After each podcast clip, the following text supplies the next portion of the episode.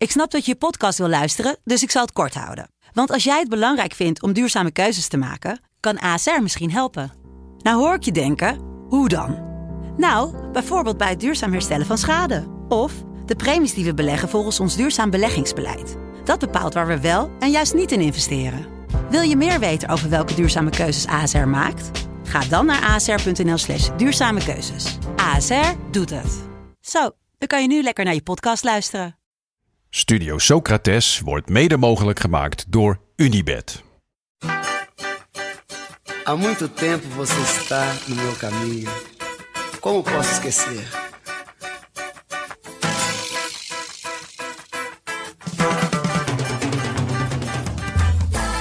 Welkom bij Studio Socrates, een podcast over iconische voetbalteams uit het recente verleden. Teams die je van voetbal lieten houden. Met deze keer Leeds uit 2000-2001. Menina, menina, no seu jeito de.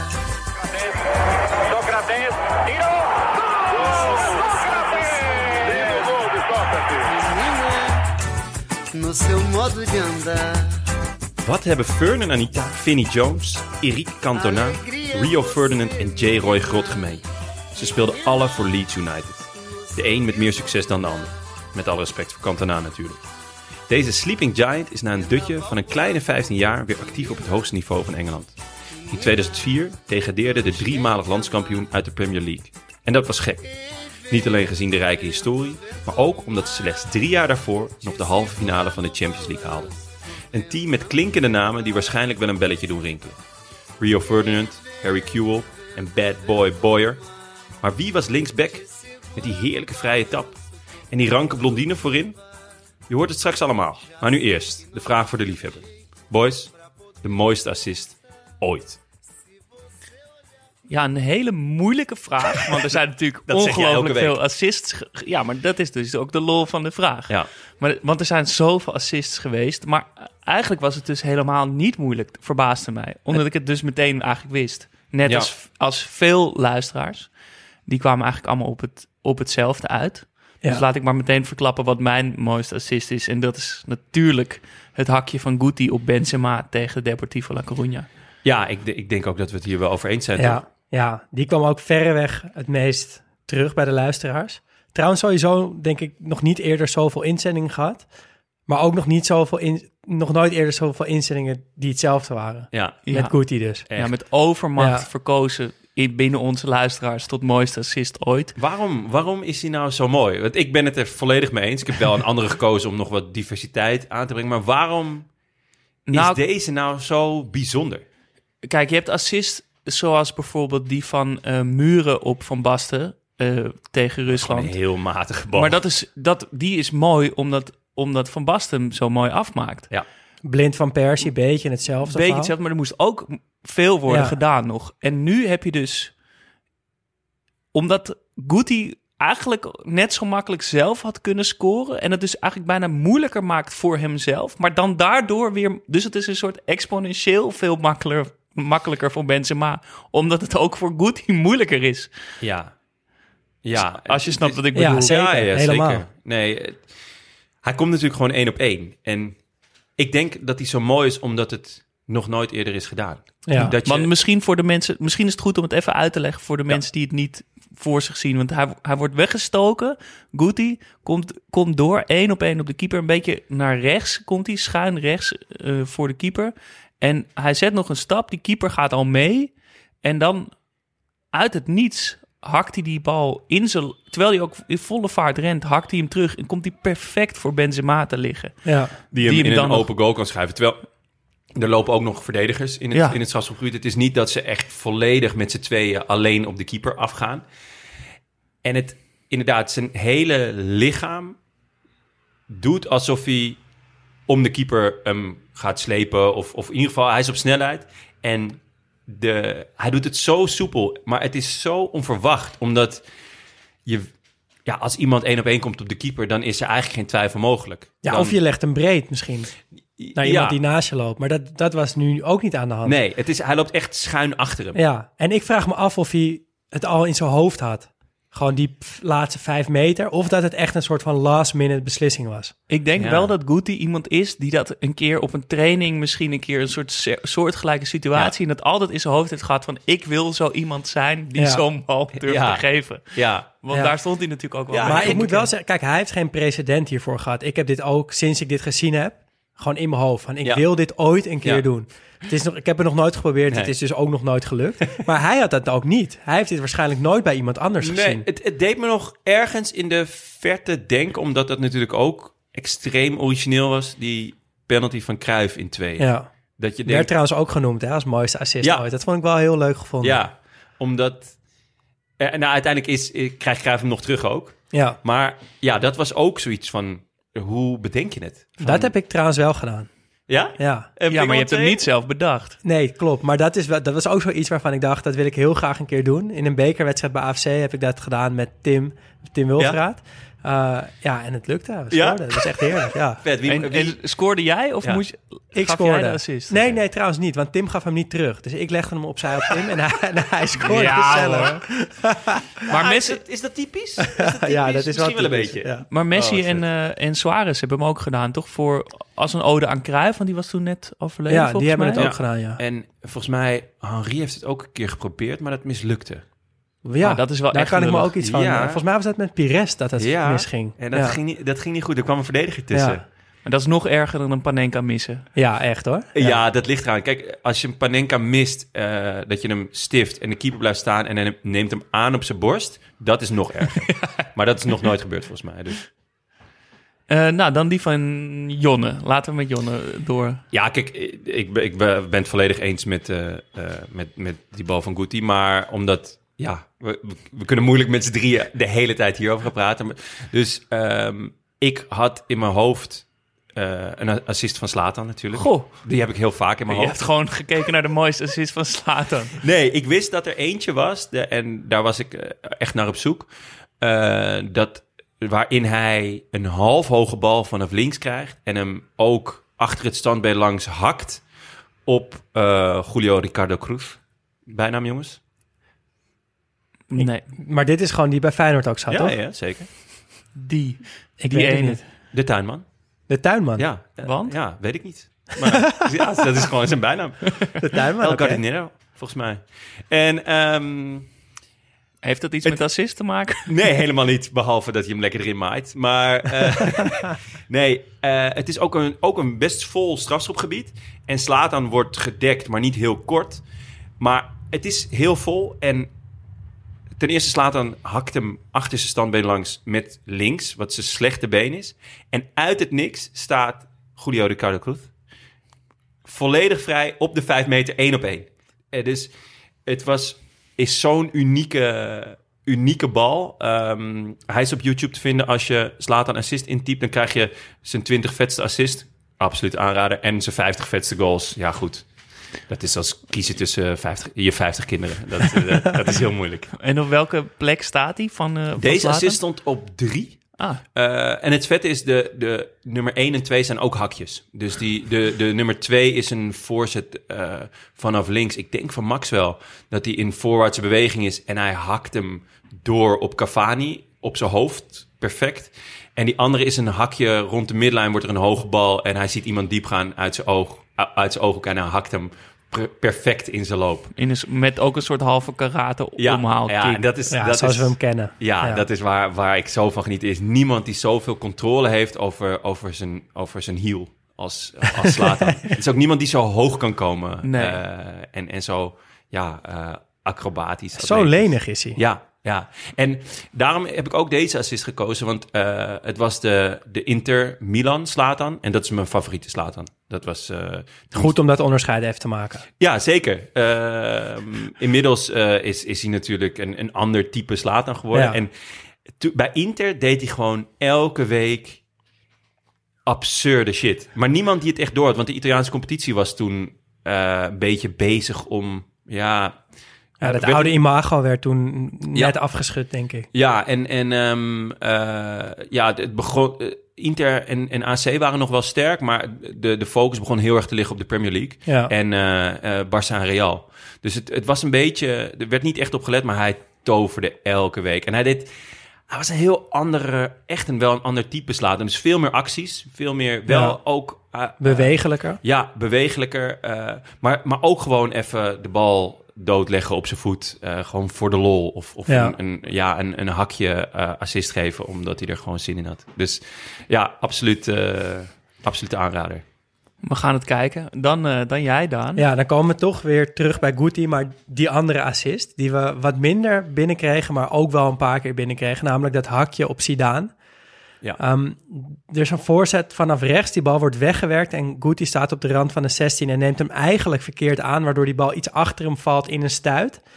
En in plaats van die bal weer aan te nemen en vooruit te draaien, hakt hij hem met zijn linker in een ontzettend vol 16 meter gebied tussen, ja, die splijt de hele verdediging van Deportivo uiteen. En dan staat er ook nog Zidane om hem af te maken. Maar als je zelfs Zidane een beetje verbaasd krijgt. ja, dan heb je echt wat goeds gedaan. En dit is ook precies de assist waar ik heel erg van houd. Dat, dat er een verdediging echt wordt opengereten. En dat op het moment dat die paas verstuurd wordt, dat je gewoon denkt, waar, wat is dit voor een paas? Waar gaat hij heen? En dat je opeens iemand de bal ziet krijgen. En ja, t- gewoon een soort van verbazing. En dat, dat had Guti heel erg. Ja. Dat die kon een paas geven en dan wist je nog niet helemaal waar die zou belanden. En opeens schoot dan iemand je beeld in die één op één stond. En ik heb dat nu met de Bruine bijvoorbeeld Ja. heel veel. Ja, ja. Die een paas geeft en dan opeens staat, staat er iemand één op één. En Guti, er was niemand die dat beter kon dan Guti. Ehm, maar als je spelers die dat nu goed kunnen, de Bruine, Eusiel natuurlijk een paar jaar geleden. Kregen we ook veel. eh, ja, kregen we ook veel binnen. Maar misschien leuk om een. Of wil je er nog iets aan toevoegen? Nou, ja. Nou, misschien goed over even om over Guti Ja, te precies, hebben. Ja. Ja. Want het is niet geheel onomstreden. Want hij deed natuurlijk geweldige dingen, maar werd ook vergruist omdat hij eh, te ijdel was. Te, te veel verdetten. toch? Ja, had een spiegel in zijn, in zijn kleedkamer laten, of gewoon in zijn bankje laten Ja, monteren. gewoon een eigen spiegel. Eh, maar hij heeft 25 jaar voor Real gespeeld. eh, vanaf zijn tiende. En daarna ging hij naar, weet jullie het nog? Besiktas. Besiktas. Echt? Ja, Ja. ja Wow, dat is ongelooflijk. echt helemaal weggezakt bij mij. Zijn idool was Redondo.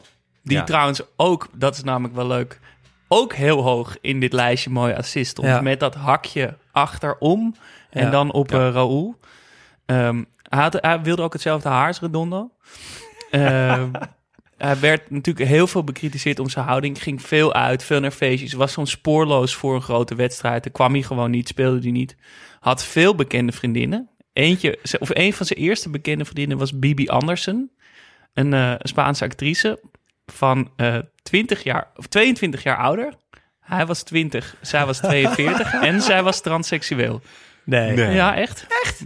Bibi Andersen, zoek maar op. Hij, st- hij stijgt in mijn, Ja, in mijn aanzien dit eigenlijk. gaat Ja. En er is ook, er is Dit ook zag ik niet aankomen. Je kan ook een interview van hem vinden ergens op een rode loper. Nou, ik, ik verstond er niks van, maar het is een geweldig interview. Want het is een vrij eh, mooie jonge dame die pro- probeert hem iets te vragen. En hij flirt. Nou, ik heb nog nooit iemand zo openlijk, zo erg zien flirten. Hij, hij vreet er echt bijna op, maar hij gaat ook heel dichtbij staan. En hij heeft een soort roze truitje onder zijn colbertje aan en zijn haartje helemaal strak. Gaat hij Geweldig. dichterbij staan dan Hans ja, hij staat bijna... Je zou het bijna niet geloven, maar het is Echt? echt, zo. Ja. Kan niet. Eh, en er is een verhaal van eh, Capello dat hij eh, wilde kijken hoe gehoorzaam zijn trainers waren, zijn spelers waren. En hij zei dat, dat ze, als ze begonnen met de training, dat ze op hem moesten wachten in de middencirkel. En dan kwam hij expres een kwartier te laat om te kijken welke spelers dan in die middencirkel bleven staan. Nou, natuurlijk iedereen, behalve Guti, die zat lekker in de dugout eh, in de schaduw. En terecht. En terecht ook, want ja, word je daar een- toch... Ik heb het idee dat hij niet een, een betere voetballer was geworden als hij, als hij een soort trainingsbeest was geworden. Nee, en het, het, het is ook niet per se... Nou, eh, eh, ja, ik zie voetbal toch ook gewoon als theater. En als spektakel. En mensen als Guti maken het gewoon wel dat het niet saai is. Ja. Eh, datzelfde vind ik fenomenaal aan Slatan. Maar zo zijn er nog wel, ja, pellen. Gewoon, ja, karakters heb je ook nodig. En je kan wel heel erg tegen je karakter in allemaal dingen gaan doen. Ehm, maar ja, als dit is hoe hij is... Ja, dit is toch dan... geweldig. En het is toch en mooi, ja. want- hij heeft meer dan 500 wedstrijden voor Real gespeeld. was gewoon een vaste waarde bij de Galacticos. Won 15 prijzen, vijf keer La Liga, drie keer Champions League onder andere. Was eerst spits, waaronder in het seizoen waar we, wat we nu gaan bespreken van Leeds. Scoorde 14 keer. Eh, maar toen Seedorf wegging, ging hij een linie naar achter en werd hij de, een beetje de Guti die we nu kennen. En er werd in Spanje gezegd dat als je de mentaliteit van Raúl zou mengen met het talent van Guti, dat je dan de perfecte speler zou hebben. Ja. En het Ja. is wel leuk om te zien dat Raúl 102 interlands speelde en Guti ja, heel weinig. Dat kwam ik ook tegen. 13. Ja, 13 ja. Hè? Ja. Ja. Echt? Ja, maar die En had dat was ook nog in een tijd dat Spanje helemaal niet... Nou, hij kreeg Heel natuurlijk goed wel was. last van, eh, van eh, Xavi Ja. en eh, Iniesta. Maar goed, Ja, ja dat... het is toch ja. wel opvallend om te zien dat, dat hard werk op een of andere manier dan toch zoveel meer... Ja. Ja. ja, maar wat ik altijd Maar ja, het maar dit meest... is niet helemaal eerlijke vergelijking Nee. natuurlijk. Maar Maar wat ik altijd het meest vind zeggen, en daar scoort Guti ook heel hoog, is als je teamgenoten je de hemel in prijzen. Als teamgenoten zeggen Ja. van, deze speler is zo goed. Het komt er misschien niet altijd uit in de wedstrijden, maar hij is zo goed, geloof mij nou maar. En dat heb ik zo vaak gehoord van voetballers die bij- Real hebben gespeeld. Die hebben zo vaak in de pers gezegd van, ja, we hebben het allemaal over Ronaldo en over eh, de andere Ronaldo, maar de beste was gewoon Guti. Ja, van de vaart ook Ja. altijd, hè? Die zei, Ja. ja, dat is zo'n bijzondere voetballer. Ja. Royston Drenthe zei het ook trouwens. Ja. Ja, in zijn tijd bij Real, ja. Die Ja. kon het heel goed vinden met Guti trouwens, zegt hij zelf. Ja, allebei. Geloof ik ook wel. Van, ehm, Gingen samen naar, eh, naar die feestjes. Ja, Ja. mooie, mooie truitjes. Ja. Mooie truitjes. Eh, dan, eh we hadden echt heel veel mooie assists om, eh, die we in, ingezonden kregen. Eh Kaka op Crespo in de Champions League finale 2005, de 3-0. Ja, een paas. Ja, ik Die- vind die dus echt onderschat. Die is Hoezo? zo goed. Nee, die, onders, die Oh, paas- onderschat. Ja, die is- zo, Die ja. krijgt te weinig waardering. Want dat, dat is ook een vorm van assist die ik heel mooi vind. Die bal zie je wel al. Alleen je ziet ook, hij kan, hij moet echt op de millimeter nauwkeurig, anders komt hij niet aan. En dit was gewoon zo. Die verdediger de- deed er alles aan, maar hij kwam er gewoon net niet bij. Ja. En hoe Crespo hem dan afmaakt met die soort van stift met heel veel effect. Ook echt, ja, schitterend. eh, ja, die, ja, daar wilde ik het al eens ook nog over hebben. Hoe mooi Crespo die bal raakt. Want die Ja. doet eigenlijk niks. Het lijkt alsof hij gewoon loopt en ja. gewoon dat die bal dan tegen zijn voet aankomt. ja, maar het doet heel En veel toch- tegeneffecten. Ja, ja. Het is En zo mooi. spint hij zo. eh ja, Joep van. Meijel en eh, Pieter Sitorius, familie van, die, eh, die zeiden dat. Blind op Robin van Persie, nou, daar hadden we het al over. Jordi 300, Ivo van Boren en Nemo. Nou, daar kunnen we ons ook wel in vinden. Behalve dat, dat het Ik nog vond moeilijk dit, was om- Ik vond dit dus niet zo'n... Deze bal zie je echt een paar keer per wedstrijd in mijn ogen. Ehm, Blind had heel veel tijd, Van Persie had heel veel ruimte. Het is dat Van Persie hem zo mooi afmaakt. Daarom is dit een mooie assist geworden. Ja, nou, het is ook gewoon een knappe bal, toch? Hij, moet, Ja. hij moet ook gewoon perfect. Een knappe bal. Ja, ja. Eh, dan Eusiel in een actie tegen Leicester, waardoor die, waar hij eerst een overstapje doet, doorrent en hem dan breed legt. Ja, Eh, ja, ja, sowieso Eusiel. Eh, meer, eh, heeft natuurlijk meer momenten van dit, Ja. maar dit Ja. wordt veel genoemd. Eh, Lars Jurgen Klop van Bodegraaf, onder andere. Dan hebben we de makkelijkste assist ooit. Als we het hebben over nog, waar je nog veel werk aan hebt. Busquets op Messi. Maar toch ook mooi vind ik het. hij staat zo helemaal stil en hij tikt die bal zo stijlvol mee naar Messi. Maar En in de middencirkel Klopt, en dan begint het pas. Maar ik vond het, ik, toch heeft het wel iets van schoonheid. Ja, ik eh, moest ook denken aan ehm, eh, die assist. eh, volgens mij is het ehm, van Pirlo op eh, Inzaghi in de Champions League finale. Die vrije Die eh, die Inzaghi, eh, volgens Inzaghi bewust Ja. eh, hadden ze ingestudeerd dat hij hem tegen zijn rug aanschoot en Inzaghi met zijn rug tegen. Dat vond ik ook wel een beetje hetzelfde Raar dat niemand pak. die in, heeft, in heeft gestuurd eigenlijk. Eh, dan eh, Anne Veldmark, die noemde die, eh, die assist van Redondo op Raúl. Ja, Echt heel mooi. Zo, zo'n, die passeerbeweging hebben we ook niet, zien we niet genoeg. vaak, nee. Ja. nee. Ehm, en ik was heel erg verbaasd, want die ken ik echt niet. Eh Theo Jansen tegen eh Zenit met Twente op eh, Luc de Jong. Ja, in de Ja. Champions League, hè? Ja. Vanuit stilstand bij de cornervlag bijna schiet hij die bal zo, Zo. strak en Oh, zo hard man. voor Ja. op het hoofd van Paas, hè? Heel mooi. Ja. Ja. die steeg bij mij wel echt een heleboel plekken in, Ja. in mijn top assists. Ja, die was echt, echt. Vooral omdat die uitstand zo strak is. Ja, Ik, eh, wat jij zegt van dat je verbaasd bent van wow, Ja, deze bal had ik helemaal niet bedacht. Zo'n bal was ja dit dat was dit ook, ja. Ja. je ziet Luc de Jong wel staan, maar je, je denkt, hij gaat hem niet geven. En als hij hem geeft, geeft hij hem niet zo. Nee, ja, vooral je denkt ook... Je ziet hem staan, maar je denkt van ja, hoe, hoe, moet hij daar gaan daar? komen? Ja. Van ja, de, de- Jans is natuurlijk niet iemand die een actie maakt eh erlangs en hem dan voorgeeft.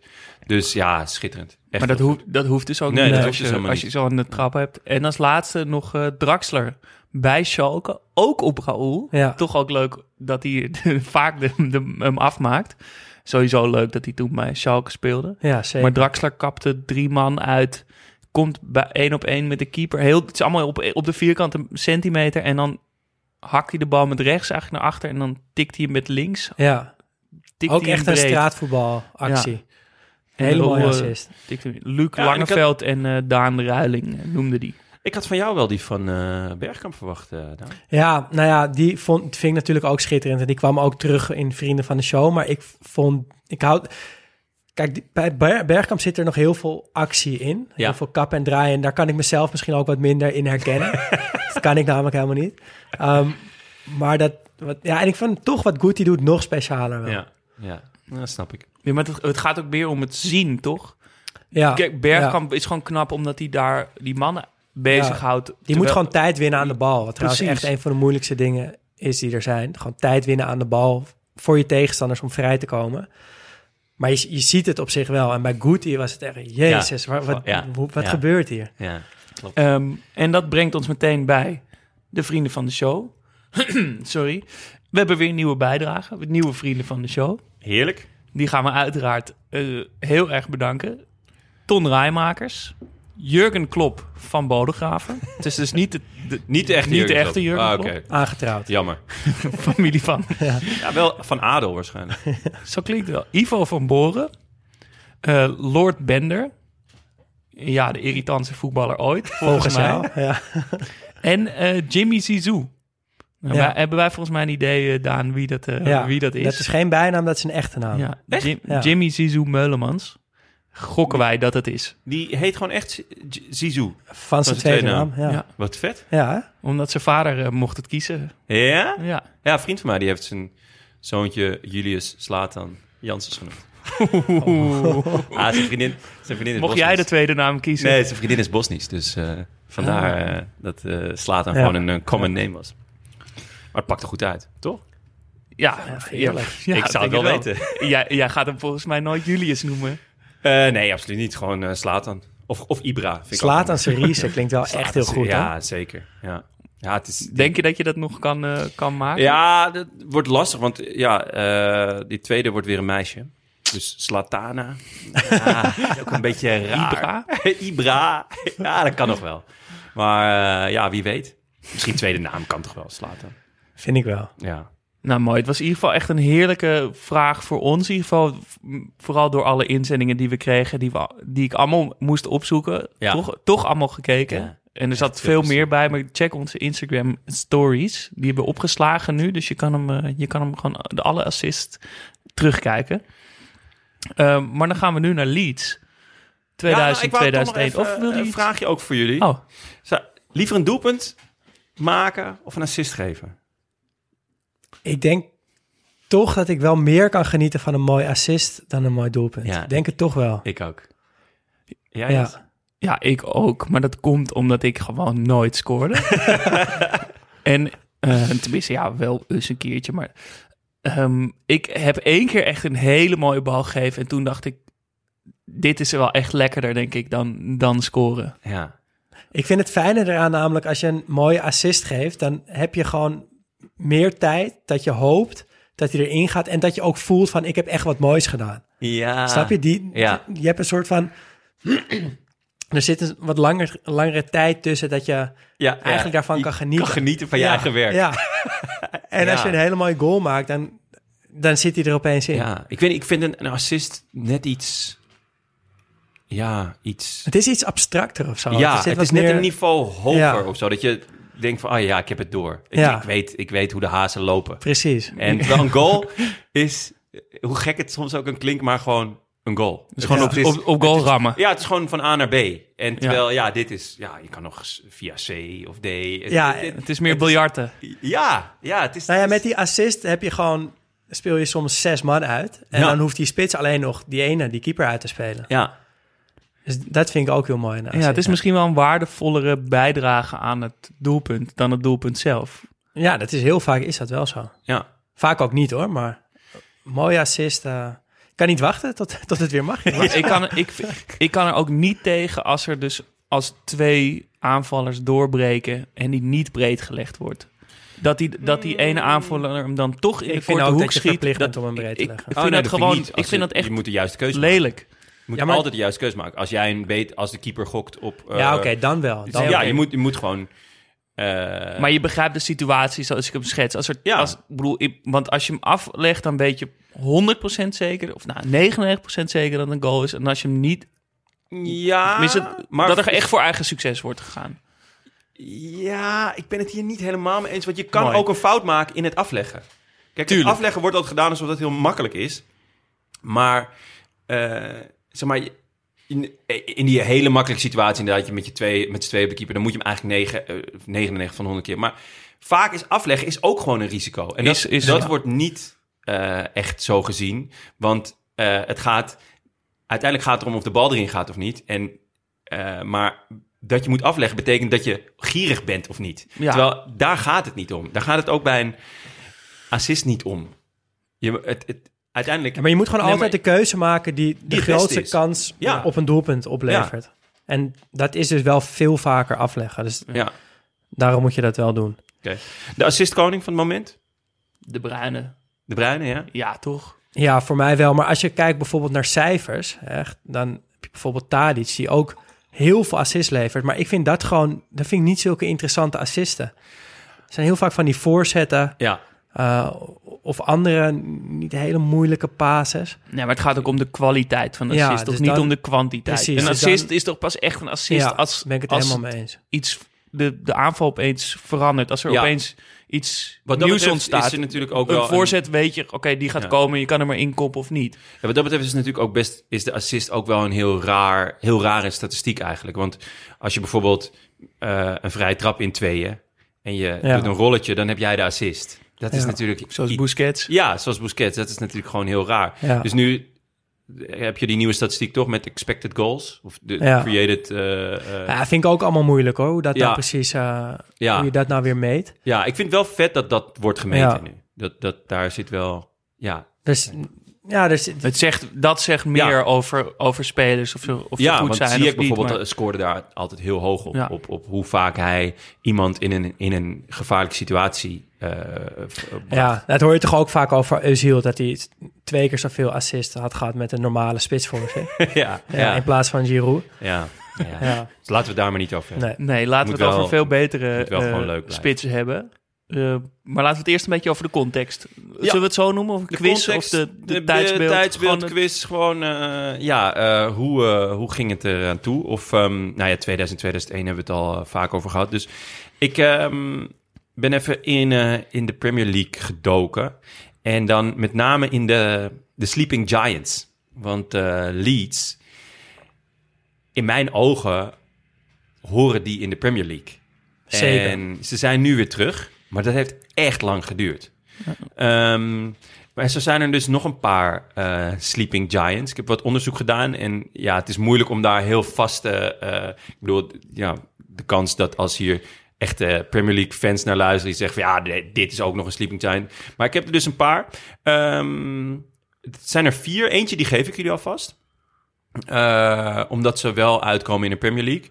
En eh, ze zijn meer aan het snoezen eh, dan dat ze echt liggen te pitten. Dat is Newcastle met vier titels. Dus vier Ja. titels op het hoogste niveau. Zes FA Cups. En een stadion met maar liefst 52.000 plekken. Dat stadion waar je niet heen bent geweest. Jawel, uiteindelijk zijn Oh, we wel... uiteindelijk. Ja, ja klopt. We zijn uiteindelijk wel nog een keer geweest. Te- tegen Manchester wonnen ze met 1-0.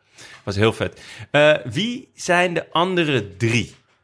Ik zou zeggen misschien Sunderland. Zeker. Ja, well played. Echt waar? Zes titels. Maar die hebben het ook, dat Stadium of Light is ook gigantisch, toch? Gigantisch, 49.000 Ah. mensen. Ja, die komen op het, op het, op het derde of vierde niveau nu uit van eh Ja, derde. serie- Nederland. ja, die heb je toch die hele do- ja. docu-serie die Ja, ik nooit heb gezien. Maar, Sunderland Till I ja. Die heet het. Eh, Verschrikkelijk. Ik heb, no ik heb nog niet gekeken. Ja, ik heb het wel gekeken, maar het, is- het ziet gewoon alles misgaan de hele Ja. tijd. Gaat, en elke keer als je denkt, nou, nu zal het toch wel weer beter gaan. Nee, het gaat, weer, Nee. gaat nog slechter.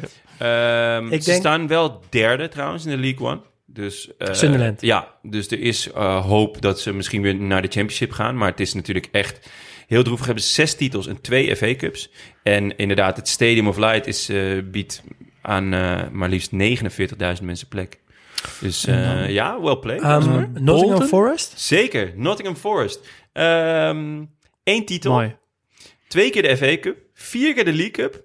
En, dat is echt verpand, twee keer de Europa Cup 1. Dat is waar, Ja. ja. En daarmee zijn zij de enige club in Europa die ehm, vaker de Europa Cup 1 heeft gewonnen dan dat ze landskampioen zijn geworden. Wauw. Dat is wel Vet, hè? ja. Ik vond het een heel vette statistiek. En welk en ook de enige die zo ver zijn Eh, afgezakt. Zij zitten in de eh, eh, het tweede niveau, het championship, Ja. en ze staan vijftiende. Oké, Gaat die niet, zullen niet gaan. al te best. Ehm, nog een leuk feitje erover. Het is een van de oudste clubs van Engeland. En eh, bij de oprichting van Arsenal... eh, ja, Arsenal als club had geen shirts. Dus toen hebben ze die geleend van eh, Nottingham Forest. en daarom spelen ze nog steeds in het rood. Arsenal. Oh, vet. Ja, ja. Eh, ik, jullie gaan goed, jongens. Hebben jullie stiekem zitten kijken? Nee, Zeker. maar we, ik denk wel dat we ons... We waren wel vorige, geprikkeld. Vorige aflevering waren Ja, we wel. zo slecht in die, in die quizjes. Ja, ehm, dan nog... En nog eentje dan. nog eentje, ja. Ik zei net Bolton. Bolton Wanderers. Nee, nee, ben ik niet tegengekomen. Ook niet in mijn schaduwlijst. Misschien nog een andere met een B. Birmingham. Nee, ook niet. Nee. Wel twee andere nog met een B, maar op de schaduwlijst.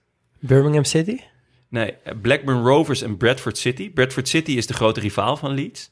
Ja. Ehm, en Ipswich Town werd ook genoemd. Maar eigenlijk degene waar ik naar op zoek ben is eh, Sheffield Wednesday. ah, ja. Ja. Vier titels, vier FA Cups en één keer de, de League Cup. En eh, hun stadion is ook gewoon 39.000 mensen. Wauw. Maar ja, Ja. je hebt nu Sheffield United natuurlijk, die eh een Ja. voorbij zijn gestreefd. Ja, ja, de, ja dat, dat is... dat maar die gaan er ja. nu waarschijnlijk ook weer uit in de Premier League. Ja, dus... ehm, Zoveel grote clubs in. Ja, zijn echt van die. En, en dat zijn ook echt van die traditionele clubs. Nottingham Forest is echt al een van de oudste clubs. En met, met een enorme traditie. En dus ook een gigantische achterban. Ehm, hebben we dat in, in, in Nederland eigenlijk? Een, een sleeping. NAC. NAC, hè? Ja, bij NAC heb ik dat gevoel nog wat meest. en ja, de. Graafschap heeft natuurlijk wel ook wel een grote Ja. achterban, maar wat minder groot stadion. Go Ahead Eagles misschien? Ja, Go Ahead Eagles ook wel een Cambuur. beetje. Cambuur misschien wel. Schurk er tegenaan. Ja. NEC, maar dat vind ik zo'n zo'n niks Ja, maar- club. Nee. Het zou Maar niet een hoort giant wel- gewoon hoort een wel in de. Eredivisie, Ja, naar mijn wel in de mening. Eredivisie. Wat dat betreft zitten er ook wel best rare clubs momenteel in de Eredivisie, vind ik. Ja. Emmen. Emmen en Fortuna zit daar. RKC. En- ja, ja. Nee, dus eh, tot zover eh, de Sleeping Giant. Nou, Vet. mooi. Leuk quizje. Merci. Eh, dan, voordat we naar de basis gaan, laten we het eerst even hebben waar, hoe, hoe deze, dit team waar we het over gaan hebben, Ja, hoe dat ontstond. Even de voorgeschiedenis. ja, even, Want dat is toch wel interessant. ja, want zo'n seizoen komt meestal niet uit het niets. Er gaat vaak wel iets vooraf wat leidt tot, tot het ene hele goede seizoen. En ik heb hem nu even opgepakt vanaf het jaar 97, 98. Ehm, toen werden ze vijfde al in de Premier League. Met een grote rol voor Nederlandse spits. Ja, dat, dat Ja, moet kan er maar één zijn. Dat kan er maar één zijn. zijn. Ja, Gerald. ja. Gerald Hasselbank. Jimmy Floyd Hasselbank. Hij scoorde, Floyd natuurlijk. hij scoorde is toen een, eh, zijn neef, zijn geloof neefje, ik, ja. ja. Ja. Jimmy Floyd. Hij scoorde 22 keer dat jaar. Ehm, en een jaar later ehm, werd er een andere Nederlander aangekocht. Hasselbank bleef. Er kwam een andere Nederlander. Weten jullie wie dat was? Ehm, Ik kende hem niet. dan ken ik hem ook niet. Clyde Wijnard. Ja, Ja.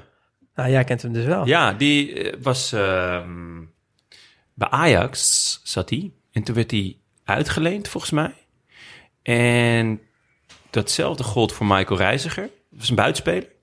En Van Gaal zei, ja, je mag terugkomen. eh, maar alleen als, eh, als back.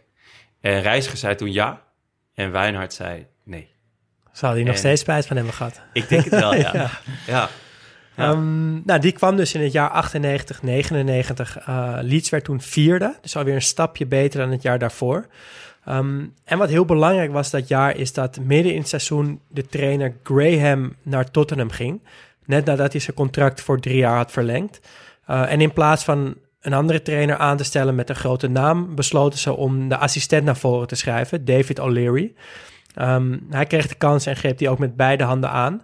Het spel werd een stuk aanvallender en hij paste heel veel jeugdspelers in die in dit jaar een hele grote rol zouden gaan spelen. Uh, keeper Paul Robinson, verdedigers Jonathan Woodgate en Ian Hart, Lee Boyer, Alan Smith, Harry Kewell. Allemaal kwamen ze dit jaar uh, door.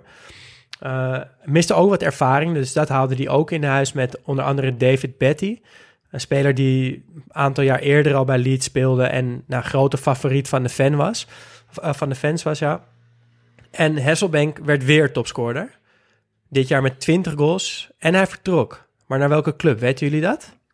Middlesbrough? Ik dacht Atleti. Ja, Atletico Oh, Madrid. ja. Ja. hij ging naar Spanje toe. Ja. Hele mooie transfer. En hoeveel, hoeveel maakte hij er dat jaar? Hij maakte dit jaar 20 goals. Uh, hoeveel hij bij Was hij- is Atletico eentje- is er maakte, eentje weet ik niet. Ehm, Of was dat gedeeld? Want je had echt veel goede spitsen. Shearer en Maar hij is York. wel een aan... Of in ieder geval... in Engeland of- bedoel je? Ja, in Engeland, ja. Dat durf ik niet te zeggen, maar je had, dat, je had wel die... York en Shearer, Ja. die wa- waren ook natuurlijk gewoon echt doelpuntenmachines. Ja. Maar goed, wil ik vanaf zijn. Dat jaar ehm hadden O'Leary nog meer jong talent naar de club. Uh, en het ging eigenlijk hartstikke goed. Ze wonnen tien keer in eigen huis. Uh, ze hadden zich dus ook gekwalificeerd voor de UEFA Cup. Haalden dat jaar de halve finale tegen Galatasaray. Um, Tien keer op rij, neem ik aan, toch? Tien keer op rij dat ze wonnen. Ja, thuis, Thuis, in thuiswedstrijden, ja. Ja. Um, halve finale tegen Galatasaray in de UEFA Cup. En daar, ja, daar vond een heel vervelend incident plaats. Uh, twee supporters van Leeds werden ja, de, de avond voor de wedstrijd in Istanbul neergestoken, doodgestoken. Wow. Um, door Gala-supporters. Um, een dag later moest de wedstrijd wel doorgang vinden van UEFA. Uh, en sterker nog, er was geen minuut stilte en Galatasaray droeg geen rouwbanden. Wow. Ja, Wat dat betreft is voetbal wel echt beter geworden. ja dat De zou nu niet meer gebeuren. Dat zou niet Ja. meer kunnen, toch? Nee. Nee, In maar- de UEFA League. Klopt, maar ze zouden het ook niet uitstellen. Wat ik eigenlijk zou voorstellen. Ja, we maar je zou ook toen- kunnen zeggen dat er nu 6500 mensen dood zijn gegaan voor Qatar.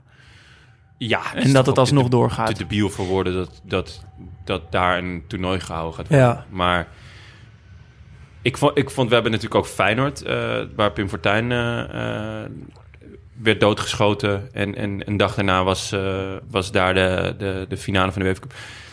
Ik weet nog dat, dat we dat bespraken. Dacht ik, jezus, dat... Ik, ik vraag me af of ze dat nu wel zouden doen, hoor. Om, om hem dan af te lasten. Want de Ja. belangen zijn wel echt groot. Ik hoop zo erg van wel. Ja. Maar je zal zien dat als het gebeurt, dat, het, uh, dat ze het toch door laten gaan. Ja. Um, nu deden ze dat dus ook. En wat wel, ik heb die beelden even teruggekeken. Wat heel mooi is, is dat de, er zijn lead supporters in dat uitvak. En die houden zelf wel een minuut stilte. En die gaan dan allemaal schouder aan schouder, uh, draaien ze zich om. En kijken ze dus gewoon niet naar het veld, maar de andere kant op. Dus dan zie je zo'n heel uitvak met alleen maar ruggen. Uh, voor een minuut stilte. Dus Ja. dat was wel heel Ja. mooi. En na de wedstrijd, al, al die spelers van Leeds natuurlijk, die de fans komen bedanken. Ja. Uh, ze gaan eraf met 2-0 en uh, maken dat thuis niet goed. Dus uit de UEFA Cup. Worden wel derde in de competitie. Nou, en toen was daar het seizoen 2000-2001 waar we het nu over gaan hebben. Maar dan gaan we eerst... Eerst naar de basis. ja, Ja, want uh, laten we dan meteen beginnen met wie er op goal stond. Nigel Martin. En dat is wel echt een, echt een uh, jongensboek. Uh, een, Engel, een heel Engels jongensboek. Hij speelde eerst namelijk bij de amateurs van Heavy Transport FC. nou. ja, dat, zo cool, toch? Ja. Heavy Transport FC, Bugle en daarna naar St. Blazy.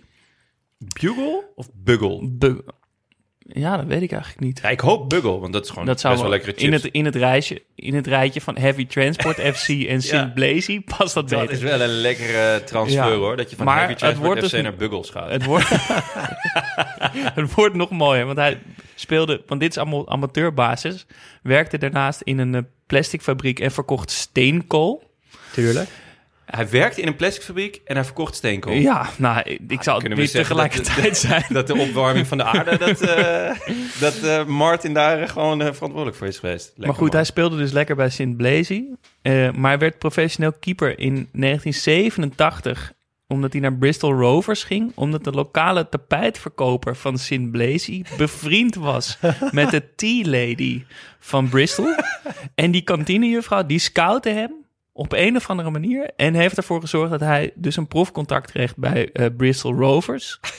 En vanaf daar is het allemaal eh, heel snel gegaan. Werd hij in 1989 de duurste Engelse keeper ooit. Toen hij voor 1 miljoen naar Crystal Palace ging. Eh, en daarna voor zes seizoenen Leeds. En nog even bij Everton gespeeld. En ook nog 23 interlands. En ik zat het dus een beetje op te zoeken. En het is een beetje een gezette forse keeper. Ja?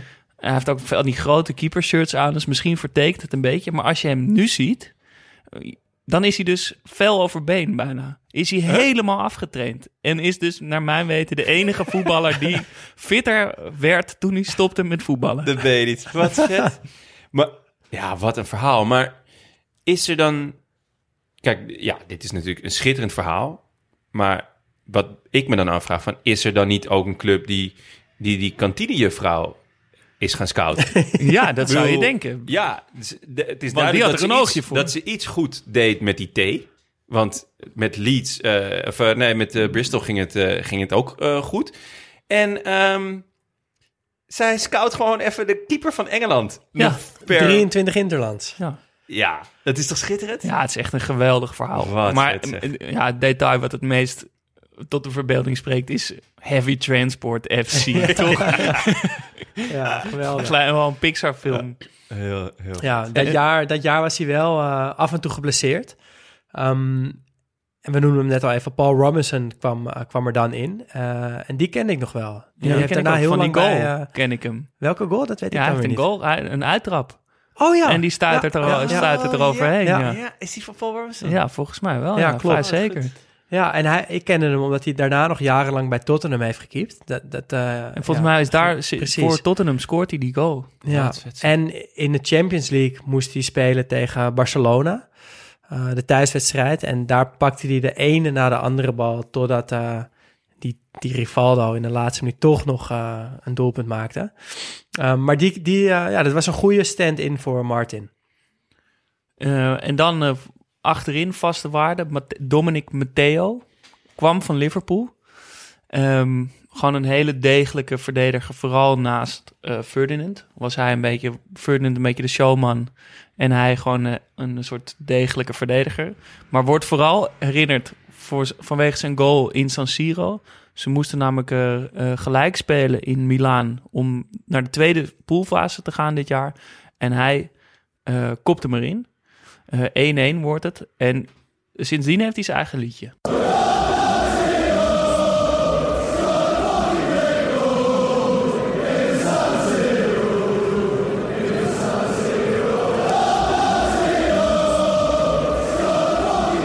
Ja, Dom Matteo scoort a fucking great goal in the San Siro. In the San Siro.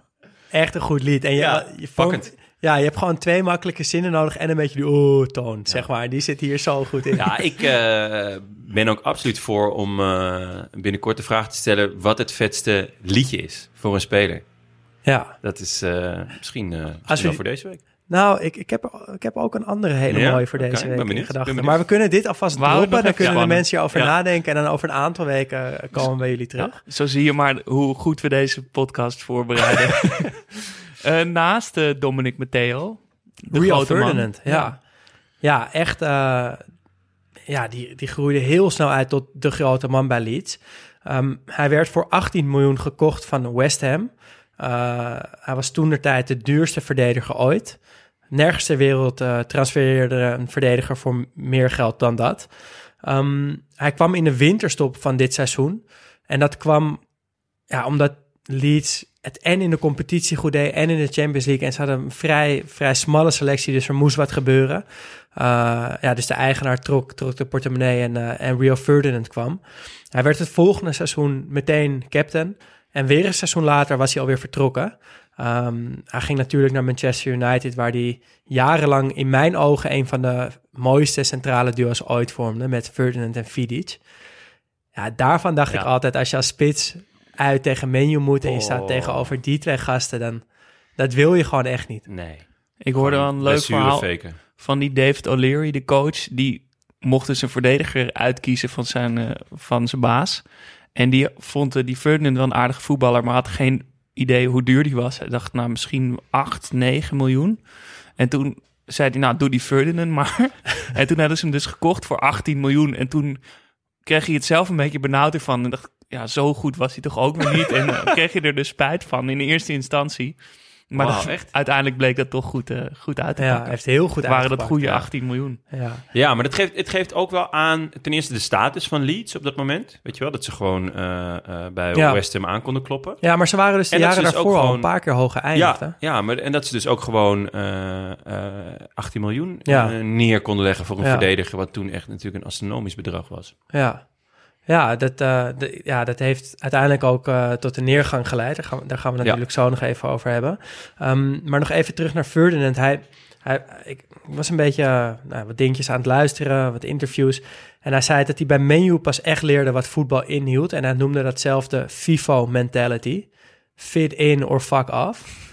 dus je gaat mee in het professionalisme wat, wat bij ons heerst. Of je kan oprotten. En als voorbeeld gaf hij Berbatov. Van, ja, die paste zich niet aan. En die haalde helemaal niet alles uit zijn kwaliteiten. En daar, jongens, hij zei jongens als eh Scholes, eh Keen en ik... ergerden ons elke training aan Berbatov. Omdat hij zo goed was, maar er zo weinig mee deed. Ja? Ja, Nou, dat vind ik wel grappig, want we hebben het over, uh, we hebben het toch gehad Ja. hier. We hebben de loftrompet. De loftrompet zeker, maar Ja. het is, was gewoon wel... ja maar die loftrompet ste- steekt hij dus indirect ook. Van, ja, dat is zo goed. Maar ja, het is ook wel... me- Ik bedoel, mentaliteit is natuurlijk ook een kwaliteit. Dat is zeker waar. en dat het is, zeker En waar. het is toch ook een beetje een kwaliteit... ehm, als je dit niet hebt, wordt daar ook wel echt op neergekeken. Ja. Want omdat mentaliteit, het is op een bepaalde manier natuurlijk een keuze. Ja, hetzelfde verhaal als met Guti, toch? Ja, Geniaal, maar lui. ja. Ah, ik hou er wel van. ja en, dan, en dan word je wel bij ons besproken in, eh, in de podcast. Als je, zo bent. Je wordt ja. wel cult. Ja, en ja nu, Rio Ferdinand is nu eh, best wel een goede analist, vind ik. Ja. Ehm, veel in de media ook wel. is ook een hele mooie documentaire over hem gemaakt. Eh, zijn vrouw is overleden aan kanker. En hij heeft een, een documentaire Being Mom and Dad, heet hij. waarin te zien is hoe hij het leven weer oppakt na het overlijden van zijn vrouw. Eh, en dat is best wel, is wel een goede documentaire, is mooi om te kijken. Ehm, daarnaast hadden we Mills staan in de Ja. verdediging. Nou, we, we gaan niet meer iedereen Nee. bespreken, want we, het is... Ah, mag, ik, mag ik zeggen wat er in het documentje staat Ja, over hem? ja, mag Staat, ik zeggen. er staat Mills en dan een koppelteken, kaal. Ja, nou, er is toen, gewoon niet toen zoveel... dacht ik dus wel weer, oh ja, die Ja, je weet er een beetje van die puntige oortjes, Ja. maar is voor de rest een vrij... Ja, was wel een beetje een... een Kale voetballer. Een, ja, echt een kale voetballer, maar voor de rest vrij saai. Ja. Dus we gaan er niet te veel tijd aan besteden. Ja. We gaan naar, naar iemand die, waar we echt lang over zouden kunnen hebben, volgens mij. Jonathan Woodgate. Ja, Ja, hij ging als 16-jarige van Middlesbrough naar Leeds. Ehm, hij speelde dit jaar, waar we het nu over hebben, wat minder dan hij gehoopt had. Dat kwam natuurlijk vanwege blessures die hem zijn hele leven zouden achtervolgen. Ja. Uh, maar ook vanwege een, uh, ja, een vechtpartij.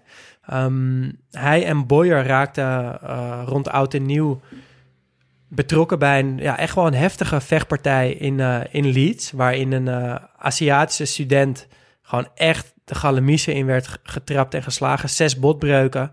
Um, hij schijnt daarvoor uh, racistisch bejegend te zijn, ook door Woodgate Boyer en zijn vrienden.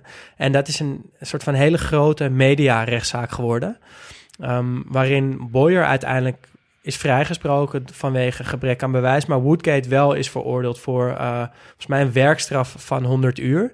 En twee van die vrienden, met wie, uh, met wie zij uit waren en die ook betrokken waren, zijn veroordeeld tot zes jaar cel.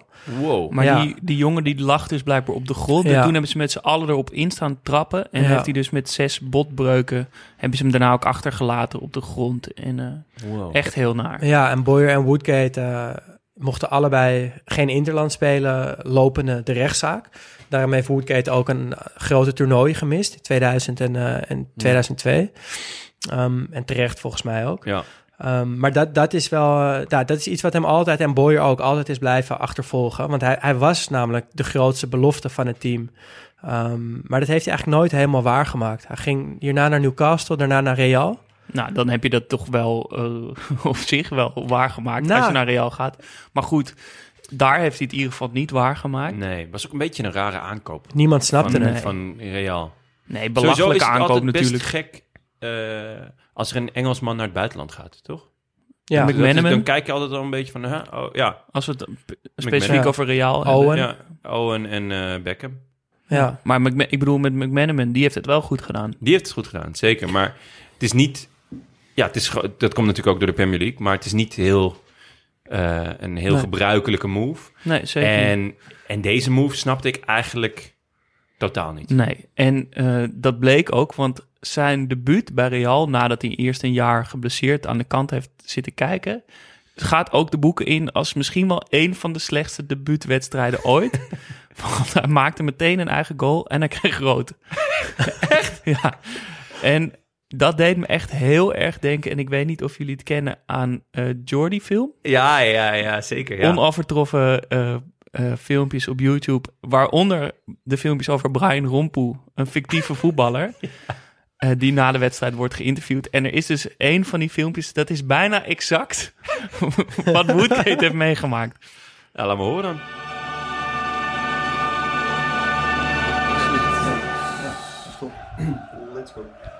Ja, dankjewel Jack. Ik sta nu bij Brian. Eh, Brian, je maakt net je debuut in het eerste van Real Madrid eh, in de Champions League. Ik eh, kan me zo voorstellen dat jij dit eh, anders had voorgesteld. Eh, ja, dat klopt. Dit eh, had ik me natuurlijk totaal anders voorgesteld, ja. Want het gaat eigenlijk bij de aftrap eh, direct mis. Wat gebeurt daar precies? Leg eens uit. Eh, ik krijg de bal strak ingespeeld. Dan draai ik me open naar de keeper voor een terugspeelbal. En eh, ja, die bal die raak ik gewoon verkeerd. Want die vliegt gewoon kaart ons eigen goal in. Dus dat is stom. Hey, en zijn het dan de zenuwen die, je- die je parten spelen? Je bent natuurlijk als enorme zomertransfer hier naartoe gegaan. Immens bedrag. Grote club, Real Madrid. De verwachtingen zijn hoog omtrent jou. Speelt dat mee tijdens een wedstrijd? Ja, ja, kijk, je moet altijd wennen als je, als je naar een nieuwe club gaat. Dus, hè. Maar ehm, nee, ik ben hier gewoon eh, om, eh, om, mij, eh, om mijn eigen ding te doen. En ik wil de mensen graag vermaken. Ja, maar, maar dat heb ik niet echt gezien, Brian. Wat mij opviel was eigenlijk, eigenlijk al vanaf die eerste eigen goal... dat jij als een soort, zoals ik het zo cru moet zeggen... maar als een soort ja, beest over dat veld liep. En, en overal waar de bal was, daar was jij. Hoe, hoezo, hoe kwam dat? Ja, dan zoek je gewoon eh, naar een stukje vertrouwen. Je wil die bal gewoon even hebben. En ehm, dan verover ik hem in eigen 16 en dan, eh, dan gelijk ongelooflijk uit. En dan schiet ik die bal weer per ongeluk keihard eh, in eigen goal. Ja, want die tweede was eigenlijk nog harder dan die eerste. Ja, stom, stom, stom. Nou, toch, Ja, geniaal, ja. ja, Dit dat is je dat ooit echt De moet, voet uit. Zo kennen we hem. dat je dat ooit moet meemaken. Het is toch echt verschrikkelijk. en ook dat je daarna ook dus niet nog kan revancheren, want het is helemaal niks meer met de Woodgate geworden. Nee, Nee, hij is altijd heel geblesseerd. veel geblesseerd Ja. geweest. Hè? Ja, en hij kwam, hij, hij kwam ook nog in eh, zo'n lijstje terecht van slechtste aankoop ooit van Real. Heel hoog. Ja, dat- want ze hebben, ze dat hebben best snap wat voor wel. hem betaald, toch? Ja, volgens mij 13 miljoen of zo, 13 Ja. miljoen pond. Ja. Ehm, ja, dat eh, snapte toen niemand en nu eigenlijk nog steeds niet. Ehm, linksback. Ja. Een Ierse linksback en vrije trappenspecialist, Ian Hart. Eerst aan wie ik dacht toen wij het over Leeds gingen. Ja, Ik dat was snap ik wel. echt fan. En hij had zo'n mooie trap. En zo'n heerlijke vrije trap ook, volgens mij. Eh, die wedstrijd tegen Depor. Depor, ik. ja, Dat hij thuiswedstrijd. hem onderkant lat eh, Ja. erin schiet. Dat ik echt... Die heb, die, die heb ik nog, denk ik wel 15 keer teruggekeken net. Van hoe raakt hij hem nou? En, want hij is echt strak. Ja. Maar ook met, ehm, met effect. Met zijn binnenkant ook. met zijn binnenkant. eh, maar ook bijna door het midden. Ja, Maar de keeper is echt kansloos. Dus ik weet niet precies wat hij doet, maar ja, ik was echt fan van Hart. En op het moment dus dat het ook slechter ging met Leeds, hoopte ik... Ja, ik hoopte gewoon altijd dat hij naar Ajax kwam. ik snapte niet waarom, waarom ze dat niet probeerden. Maar ja, goed. het was wel een Ajax-speler ja, eigenlijk. echt een, eh, Ja. een, eh, een, een goed voetballende linksback met een, ja, met een schitterende linker. En speelde dus ook op kiksen die twee maten te klein waren, zodat hij de bal beter kon voelen. Ja, dat vind ik echt wonderbaarlijk. Want Dat je dat volhoudt. ja, ik... eh, Ik snap wel dat dat, mak dat dat lekkerder trapt. Dat snap ik wel. ja, ik, Beter dan te grote, ja. Zeker, en ik, ik vond het altijd heel fijn, ook met straatvoetbalschoenen, als, ze als het heel dun leer was. Want dan Ja. had je gewoon veel meer gevoel. En ook het liefst ook dunne zolen. Eh, dan had je gewoon veel meer gevoel in. Maar twee maten te klein, dat is wel echt klein, hè? Dus Ja. wel, dan ben je wel echt blij als de wedstrijd is afgelopen. Ja. Het is echt heerlijk om, om ze weer uit te trekken. Maar ging dus niet naar Ajax, maar was dus een, ik vond het een opvallend rijtje clubs. Leeds dus, toen Levante. Dat, Dat had Ajax moeten zijn. had Ajax moeten zijn, want daarna werd het Sunderland, Ja. Blackpool, Carlisle en Reading. En Bournemouth, maar dat had ook Ajax moeten zijn. Dat had twee keer naar Ajax En. Bournemouth, ja. Ja. Nou, ergens in dat rijtje had... Nou ja, goed. Hadden we, hadden we prima tussen gepast. We gaan door naar het middenveld. Daar hadden ze Dacour staan, wat een van de grote aankomen van dit seizoen was. Ehm Leeds kocht hem voor 7 miljoen van Lan uit Frankrijk. Zeg je Lan? Lan, toch? Lens? Ja, Lens. Ik zeg Lens ook. Ik zeg ook Lens, maar... Het is wel Lan. leuk dat we daar nu steeds achter komen. op het moment dat we Ja, dit goed. gaan eh, ik ben benieuwd of we opnemen. het nog over Fretch gaan hebben dan. Daar hebben we het al genoeg over Daar gehad. hebben we het echt genoeg over French. gehad, ja. Ehm Arsène Lan. Ehm, Oeh. Het was eh 7 miljoen. Het was een clubrecord voor Leeds. Eh, dat werd natuurlijk heel snel eh, verbroken door Rio Ferdinand. Ehm Dacour werd wel een onmisbare schakel op het middenveld van, eh, van Leeds. Eh was een balafpakker, een, ja, een bijter met een, met een winnaarsmentaliteit. Ehm, wat hem later ook wel parten speelde, want hij, moest, hij ging weg bij de club eh, na een enorme ruzie met de, met de nieuwe trainer, Terry Venables, in 2003. Ehm, later speelde hij nog voor AS Roma en Inter. Kan ik me ook allebei nog wel herinneren. Ja, zeker. Maar ik kan, ik kan hem ook nog wel echt in dat Leeds shirt herinneren. En dat Ja. vind ik trouwens een, echt een schitterend shirt Echt ook. Hè? een schitterend Ja. shirt. Ik denk dat dat ook bijdraagt aan een beetje de mythische status van, eh, van, van, de, van wat Leeds in ieder geval in mijn hoofd heeft. Ja. Omdat ze dus helemaal in het wit spelen. Met Strongbow. Ja, Dat helpt ook. Dat het een goede, Ja. goede sponsor ja, is. zeker. Dat is Cedar, toch? Ja. Strongbow. En nu ja. we het toch over eh, shirts hebben, nog een speciale shout-out naar het uitshirt van Deportivo, waar ze dan tegen spelen. Dat vond ik ook een waanzinnig eh, mooi shirt. Welke, Ah, even tussendoor. Kan je die even... Ja, een soort rood met grijs en Oh, donkerblauw. ja, ja, Echt mooi. Ja, Nou goed, dan gaan we door naar eh, Betty. Ik dacht dat het ook een beetje zo'n bad boy als Boyer was. Maar was het dus eigenlijk helemaal niet. Geboren in Leeds, natuurlijk altijd leuk. Ja. Er werd altijd te klein gevonden en moest van zijn trainer Billy Bremner elke ochtend in zijn kantoor melden. En dan kreeg hij een glas sherry met een rauw ei er doorheen geklutst. ja, sorry hoor, maar... Ja, dit, dit lees ik dan, hè? Is, Ik weet nee, nee, nee, dat, dat, is- dat is ook prima. Maar dit is toch gewoon eh, me too avant la lettre. En dan gewoon voor een witte, witte eh, eh, man. Weet je, dit is toch echt... Stel, stel jongens, jullie, jullie benaderen mij een podcast maken. Zo prima. Elke ochtend melden. Kwart over negen, ei, of eh, sherry met een ei er doorheen. Dat is toch echt gewoon... Je zou wel aan- ja zeggen. Het is toch gewoon een aanranding.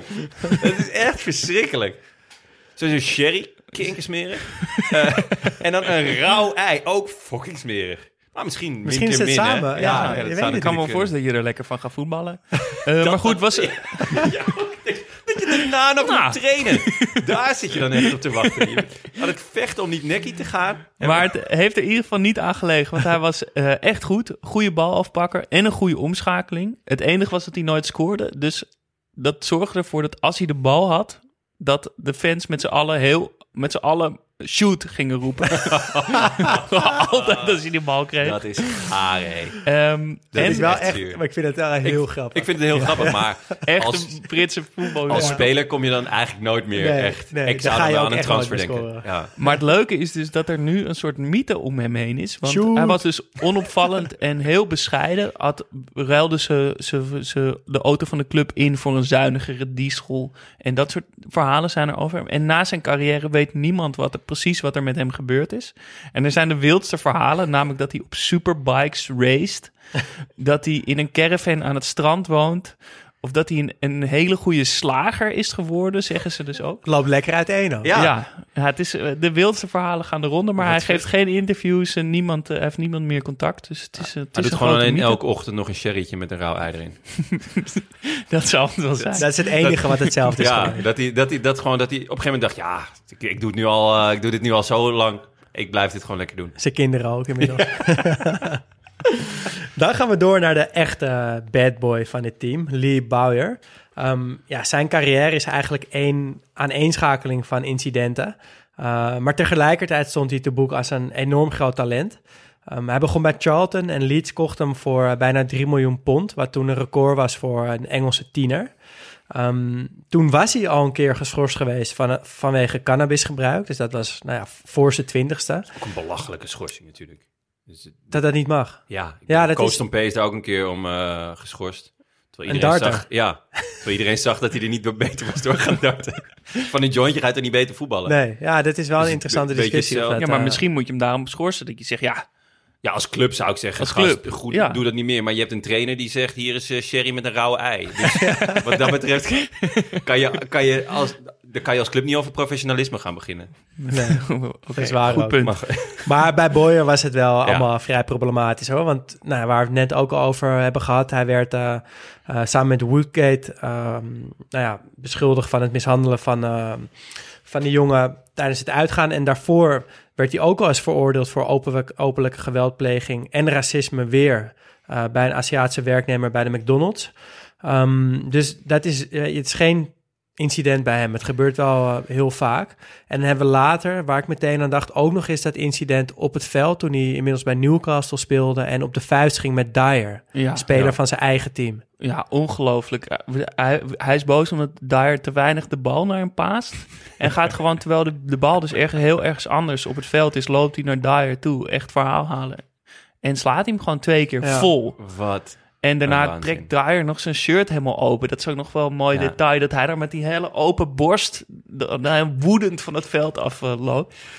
Eh, ik Dat heb is ook wel- iets wat ik niet eerder, eh, ook later niet meer heb gezien. Professioneel voetbalgebied. Dat dan twee jongens uit hetzelfde team, Nee, toch? nee. Ja, Nou, volgens ik- mij ge- is, gebeurde wel eens opstoot. Maar dat je Ja, maar op echt zulke wel, klappen... Maar, ja. Ja, ik, ik, In een moet, wedstrijd. ik moet wel denken van dat, dat hij niet vaak genoeg naar hem paaste. Ik weet nog eh, een jongen die, die jij waarschijnlijk ook wel kent, eh Krie. Die eh, was bij ons een groot Ja. talent en die stond op dezelfde positie als ik. En op een gegeven moment kwam hij voor een training. Was, Maar het is dit weer een momentje dat hij eigenlijk Chris heet? Ja, hij, heet Chris, ja. Maar je zei Krie. Krie? Ja, we noemen hem altijd Krie. en Jullie en namen? ja, en hij, we- we- hij was gewoon mijn concurrent en hij was eh, jong talent eh, en hij kwam er echt aan. Dus het, eh, ja, ik werd er ook wel wat zenuwachtig van. Maar even voor de zekerheid, bij AMVJ, Bij. Oké. En hij komt naar me toe. En we zaten in hetzelfde... we gingen eh partij spelen. En we zaten in hetzelfde team. En hij komt naar me toe. En dat was ook echt een leuke gast. En hij fluistert... Ik ga de bal nul keer naar jou spelen. Wat hij ook heeft gedaan. Terwijl een paar keer moest het echt eigenlijk. Hij heeft het gewoon niet gedaan. Hij dacht, dan maar balverlies. Ik ga hem gewoon nul keer naar hem spelen. En uiteindelijk heeft hij me bij baasplaats ook nog eh gesnaaid. Maar je, Dus- hebt hem, je hebt hem niet een paar tikken gegeven, toch? Eh, nee, nee. Is niet tijdens een wedstrijd? Nou ja, tijdens de wedstrijd een paar tikken gegeven, natuurlijk. Nee, dat, eh, maar ik, wel vet dat, je, dat, dat dat ook gewoon bij professionals speelt. Van je paast de bal niet genoeg naar mij. Ja. Dat was in de, in de eetjes. Was Maar dat ik, altijd een, ik, een ik moet zeggen, ik heb dus die samenvatting van die wedstrijd teruggekeken. En hij had hem wel echt een paar keer moeten spelen. hij had wel een punt, maar ja. Wat Maar- wel opvallend is, is dus dat hij in zijn hele... Want je zou denken, zo'n bad boy, nou, dat, dat gaat op het veld natuurlijk ook niet zo goed. Maar haalde in zijn hele tijd bij Leeds maar één rode kaart. Nou, dat Ja, valt dat mee, valt maar- mee. Maar later wel wat meer rode kaarten gepakt. En hij staat ook op de nummer drie in de ranglijst met de meeste gele kaarten ooit in de Premier League. Eh, met 100 kaarten. Weten jullie wie op nummer 1 en 2 staan? Ik neem aan Keen, Op welke Roy plek? Keane. E- eh, eerste. Nee, niet op de eerste plek. Nee? Dat is iemand anders. Gascoigne. Ook niet. Garrett Barry staat op nummer 1. Oh, Ja. ja. En Roy Keane zal ongetwijfeld ook al hoog Ja. staan. Maar op nummer 1 speelt, staat Garrett Barry. Even, als, als club.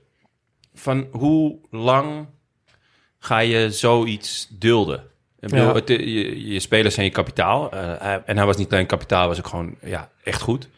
Scoorde Ehm, veel ook dit jaar in de Champions ja. League. Werd speler van het jaar. Maar ook. laten we wel wezen, hij doet twee keer iets wat gewoon totaal niet door de beugel kan. Dus openlijk geweldpleging en dan ook nog met, vanuit een racistisch Ja, oogpunt. Wel, als club zit je dan toch in zo'n ja. enorme spagaat, want je moet hem eigenlijk gewoon ontslaan. die, die- Ja. misschien niet de eerste keer, maar de, tweede keer, keer- moet je toch gewoon zeggen, ja, ik eh, vind, eh, het, is, het is echt ja. mooi geweest met jou. ja, nou ja, Ehm, zeker. Kijk, de eerste keer kan je hem nog op een cursus sturen en dan stuur je hem eh, daarna langs wat scholen om, eh, om, om ja, als hij spijt heeft, weet je wel, dan eh, om, om, om ja. Zolang dat gemeend is allemaal Ja, natuurlijk. zolang het gemeend is, maar, maar die tweede keer kan je dan toch niet met, met, met droge ogen zeggen, ja, kom maar weer terug. Nee. Nee, nou, Nee. ik vind het wel een hele moeilijke vraag ook. Want ik vind het hele cancelen van mensen en dingen wel altijd heel lastig. Dus volgens mij moet je iemand wel altijd een tweede kans geven. Ja. Maar het Maar ja. gebeurde bij hem natuurlijk wel he- heel vaak. Ja. En hij is wel echt belangrijk dit seizoen. En hij maakt hele mooie doelpunten. Maar, Maar, eigenlijk zou dat niet uit moeten maken. Nee. maar ik kan er dus ook wel echt minder van genieten. Ja, om- ook. omdat je Ja, weet wat voor een verschrikkelijke Ja. man het is. Ja. Ja, mee eens. Nou, dan gaan we door naar de Australische Beckham. Het kan er maar één zijn, toch? Ja, Ja. Harry Kewell. zeker. Ja. Nog zo'n verhaal eigenlijk. Sluit mooi in het rijtje aan. Met grote voetbal, geniale voetballers die hun potentieel misschien niet helemaal waarmaken. Ja. Als, Misschien iets minder geniaal, maar toch. Hij was een hele mooie Ja, voetballer. en hij, inderdaad. ik, hij- altijd die Adidasjes aan met die lips al heel ver Ja, naar voren. Echt Daar een soort van... zwak voor, hè? Ja, echt. Ja, alleen echt daarom heet hij ook de Australische Beckham. toch? Nou, hij, nou, ook een hele mooie Ja. trap, dezelfde positie. Het is wel veel vergelijking hoor. Ja, het leuke verhaal ervan was dat hij in eh, Australië, vanuit Australië kwam, uiteraard. En stage mocht lopen bij Leeds samen met Brad Emerton. Die we uiteraard nog Ja, van van Feyenoord. Feyenoord, kennen. Goeie rechtsback. Die kreeg geen contract, maar eh Kewell wel. En die ging dus in de jeugd van Leeds voetballen. En daar lag hij op de kamer met keeper Nicky Byrne. Byrne? Byrne? En dan denk je... Hoe zou jij dat uitspreken? Birne? Bier. maar Ja, nou, ja, nou zo, denk ja. je, waar ken ik die naam van? Maar die ken je hiervan. Took my hand, touched my heart, held me close. You were always there by my side, night and day, through it all. Baby, come what may. Swept away on a wave of emotion. Oh, we're caught in the eye of the storm. And whenever you smile, I can hardly believe that you're mine. Believe that you're mine. This love is unbreakable. It's unmistakable. And each time I look in your eyes, I know why. This love is untouchable. I feel in my heart. just Ja, Nicky Byrne was dus welke- lid van Westlife. Westlife. En Ja. eh, dat is... de- Ja, de- uit gewoon de gouden boyband tijden, toch? Ja, zeker. Maar ik bedoel, statistisch gezien is de kans natuurlijk heel groot dat, dat er iemand van Leeds ooit op de kamer lag met eh, een lid van een boyband in Engeland.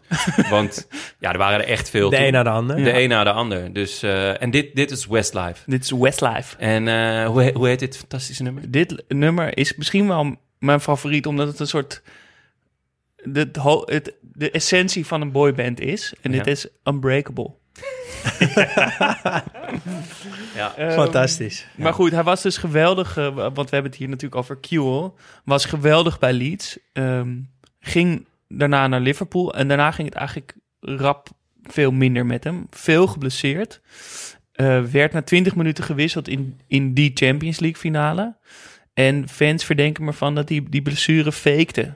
Omdat ze toen al achter stonden en dat die dachten, ja, het zal allemaal wel of zo. Ik weet het niet precies. En ja, het- ik, kan me daar, ik kan me daar wel iets bij voorstellen dat hij dat doet eigenlijk. ja, Ja? maar Ja. dat imago heeft hij. Maar dat, ja, eh, in de Champions League finale ga je een... een eh, Als je gewoon serieus soort van psychische problemen hebt en het Ja, ja, gewoon- als je... Ja, ja. dat je Ja, als denkt... het niet lekker dat gaat. de en, druk gewoon want echt te hij had dus echt, en- ja. hij zat dus blijkbaar echt mentaal ook. eh, Oh ja, ja, nee, dan hij het moeilijk? Ja, dan, dat zou nog wel kunnen. ehm, en het pijnlijke is dus dat hij na eh, Liverpool dus naar Galatasaray ging, Wat in Leeds hem dus niet echt in, in dank werd ach- afgenomen vanwege dat incident met die Oh, twee ja. fans. Ja. En eh, wat ik nog wel echt eh, een heerlijk fragmentje vond, maar dat moet je dan maar thuis, als je dit zit te luisteren, even opzoeken, is dat hij ging daarna weer terug naar Australië. en daar werd hij toen verkozen tot beste Australische voetballer ooit. En de wedstrijd daarna mocht hij een penalty nemen. Volgens mij speelde hij bij Sydney of bij Melbourne. En dan neemt hij, denk ik ook echt, de aller, allerslechtste penalty die ooit genomen is. Die bal die gaat dus niet eens naast, maar die heeft gewoon een, ja, die hobbelt langzaam met een pisboogje. He, ik Terwijl hem gewoon 10 hard probeert meter, te schieten. 10 meter Ja. rechts van het goal over de, over de lijn. Dit is echt... nou, en als je dan net verkozen Ja, bent tot oh. beste Australische voetballer ooit, is dat echt Dan heerlijk. baal je ook hoor als continent. Dat dat dan je beste speler is. Ja. maar Maar misschien dus ook wel een, niemand eh, het eh, in Australië. een perfecte metafoor voor zijn carrière. Ja. Met hoogte- en dieptepunten. Ja. Ja. Dan gaan we door naar de spitspositie. eh, waar in mijn ogen echt de verpersoonlijking van een bonkige spits stond. ja. Mark Viduka. Sowieso vind ik dat een mooi, eh, mooi gegeven, dat het bestaat. Een mooi type spits. de het bonkige mooi- Ja, spits. gewoon een ty- type Bombarda. Ja. Ja. ja, dat is een beetje hetzelfde idee ja, inderdaad. dat er gewoon ook hoop is voor Ja. bonkige mensen. Ja, en, maar je en- doet hem wel tekort, vind ik. Nou, waarom? Nou, omdat hij ook een hele mooie techniek had. Hij kapt, hij draait, hij, Zo hij chipt. niet, hoor. Nou, als je ziet, nou, we gaan het zo nog over die wedstrijd Ja, hebben. Volgens ja. mij dat hij vier keer scoort tegen, tegen Liverpool. Dan scoort hij twee keer met een, met een chipje. En, en kapt hij ook één keer, kapt hij hem twee, eh, twee man uit en draait hij er nog omheen. Terwijl hij het nog had, al had kunnen schieten en, en schuift hij hem in de verre hoek. Nou, ik ga ik dit, denk ik ga wel dat hij een betere goed- techniek goed heeft dan jij ook. je herinnert namelijk. Ja, dat zou, dat zou zeker kunnen hoor. Wat ook niet meehelpt namelijk, en dit eh, vind je, gaat Jonne niet leuk vinden, maar hij speelde altijd op Puma Kings. ja, dat is toch niet mijn, eh, mijn schoen. Oh, helemaal niet voor een spits, voor een centrumspits. Ook al had Slatan natuurlijk die schoenen ook af ik en toe aan. het zeggen. Slatan heeft... eh, de- maar dat zijn ook de- gelijk de enige twee. Je komt hier wel aan de essentie van Ja, dit hè? Dus pas op. Ik weet Nee. niet hoor. Maar dat, voor mij, weet je, dan denk ik, nou, bonkige spits, Puma Kings. Waarschijnlijk kan je nee, niet zo heel goed voetballen. Dit, is, dit zijn gewoon drie stoten onder de gordel. Scheids. Nee, Misschien maar- een farmomentje. Ja, Daan wegwezen. Volgende week zit hier iemand anders. Nee, maar als ik, aan de andere kant moet ik wel eerlijk zijn. Als ik dan kijk naar zijn carrièreverloop... dan heeft hij het bijna overal echt goed gedaan. Hij ging van Melbourne naar Dynamo Zagreb. Heel vet eigenlijk dat dat zijn eerste club in Europa was. Ja. maar weet je hoe dat komt? Nee, Waarom hij naar Zagreb ging? ik heb geen Nou, idee. zijn vader eh, komt uit Kroatië. Dus Ah, hij had. Kroatisch bloed. Werd eh, in, in eh, eh, Australië niet echt begrepen als bonkige spits. En, dacht, nou, zoek het dan Terwijl- maar uit. Terwijl Ik ga naar het land is voor bonkige spitsen. Ja, zeggen. Van En- wel, ja. Weet je wie zijn neef is? De nee van Fiduka. Daarvoor Souker. Nee, Luka Modric. Echt? Ja. Wauw. Dus Wow. dat is, ik weet niet precies hoe die Dat verbonden zijn, maar die Kroatische vader van, eh, nee, van Viduka, die is dus familie weer van, Ah, wat vet. van Modric. Vet, heel vet. Ja, Ja. mooi. Nou, hij, hij deed ook heel goed bij Dynamo Zagreb. Ehm, na drie seizoenen kocht Celtic hem. En daar was hij na één seizoen al weg naar Leeds. Want hij scoorde daar 30 goals in 37 wedstrijden. Eh, Leeds stelde 6 miljoen voor hem neer. En eh, het was de bedoeling oorspronkelijk dat hij de voorwoorden ging vormen met eh Kewell en Bridges. Bridges was de topscorer van vorig seizoen. Maar door blessures bij die twee ontstond een voorhoede Smith, Viduka en Robbie Keane. Want Robbie Keane werd eh, ook in een winterstop gehaald, gehuurd van Inter Milan. En ehm, ja, dit, dit is die voorhoede van Leeds, hoe ik hem ook echt herinner. Hij scoorde dat jaar, uh, Viduka alleen scoorde dat jaar al 22 keer. Met als meest memorabele moment dus volgens jou uh, Ja, die vier goals. 4-3 Ja. van Liverpool gewonnen met vier goals van Viduka. En hij Oh, geeft man. een, een interview, want het is, het is een bescheiden bonkige spits. en dit is wat hij na afloop te zeggen had. Mark, four chances, four shots on target, four goals. You can't get much better than that, can you? Yeah, I mean, uh, it was one of those games where, uh, you know, every time I, I had a sniff at goal, it went in. And, uh, you know, you get some, sometimes, very rarely you get those sort of games, but uh, it was good to be a part of anyway. Have you scored four goals in a game before? Uh, yeah, I have actually, but not in this big a game. Uh, it's your first Premiership hat trick as well. I suppose that doesn't really matter. You've got the match ball anyway, but four goals in a game and really turn the game around for Leeds. Yeah, I mean, uh, you know, we got off to a pretty bad start. We, uh, we, uh, you know, conceded two goals from uh, set pieces, and uh, you know, it was an uphill battle from then. But you know, you need a bit of luck in those sort of situations, and uh, you know, we had a couple of, you know, had a couple of chances and put them away, and it, you know, it gives the confidence back to the to the team, and you know, in the end, we, we, we won the game. Do you think this is the best performance you've ever put in in a football match? I don't know. I don't think so. I mean, you know, I've performed better in, in games, but I didn't score this many goals. So it's one of those things, you know, as a striker, you're a goal scorer, but uh, I don't think I had like an exceptionally good game anyway. You're aware that the game is being screened live in Australia. There, what does that mean to you that they're all watching you down there? Well, is this live now? Yeah. Yeah, I, I just wanted to say hi to everybody in uh, Kilo, in Melbourne, and uh, it means everything to me. Nou, Heel vet. schattig, toch? Bescheidenheid Ja. siert de mens. Mooi, heel mooi. Ja. Ehm, ja, vet. En ik ga echt even, ik heb het nog niet gezien, echt nog niet gezien. Dus ik ga het eens even terugkijken en dan eh, laat ik je volgende week weten wat ik ervan vond. Ehm, nog even over zijn carrière. Hij ging van Leeds naar Middlesbrough.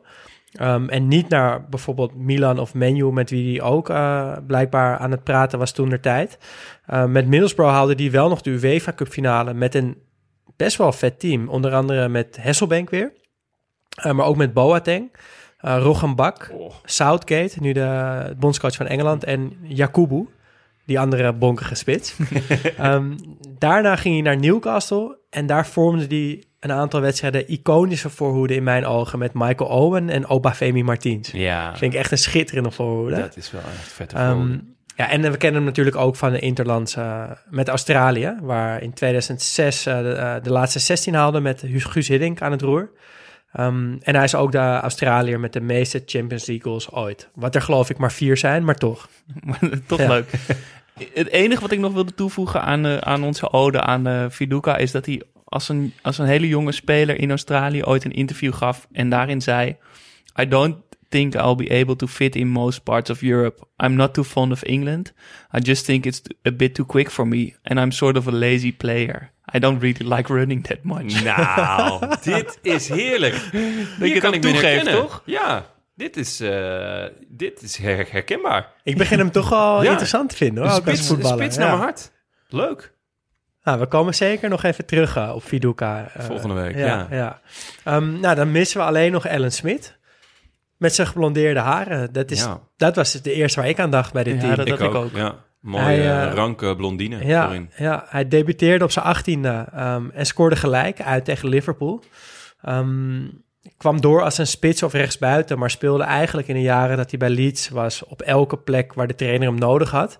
Eh, was echt een lieveling van de supporters. Hij kwam, hij kwam uit de e- eigen jeugd en gaf zijn leven op het veld.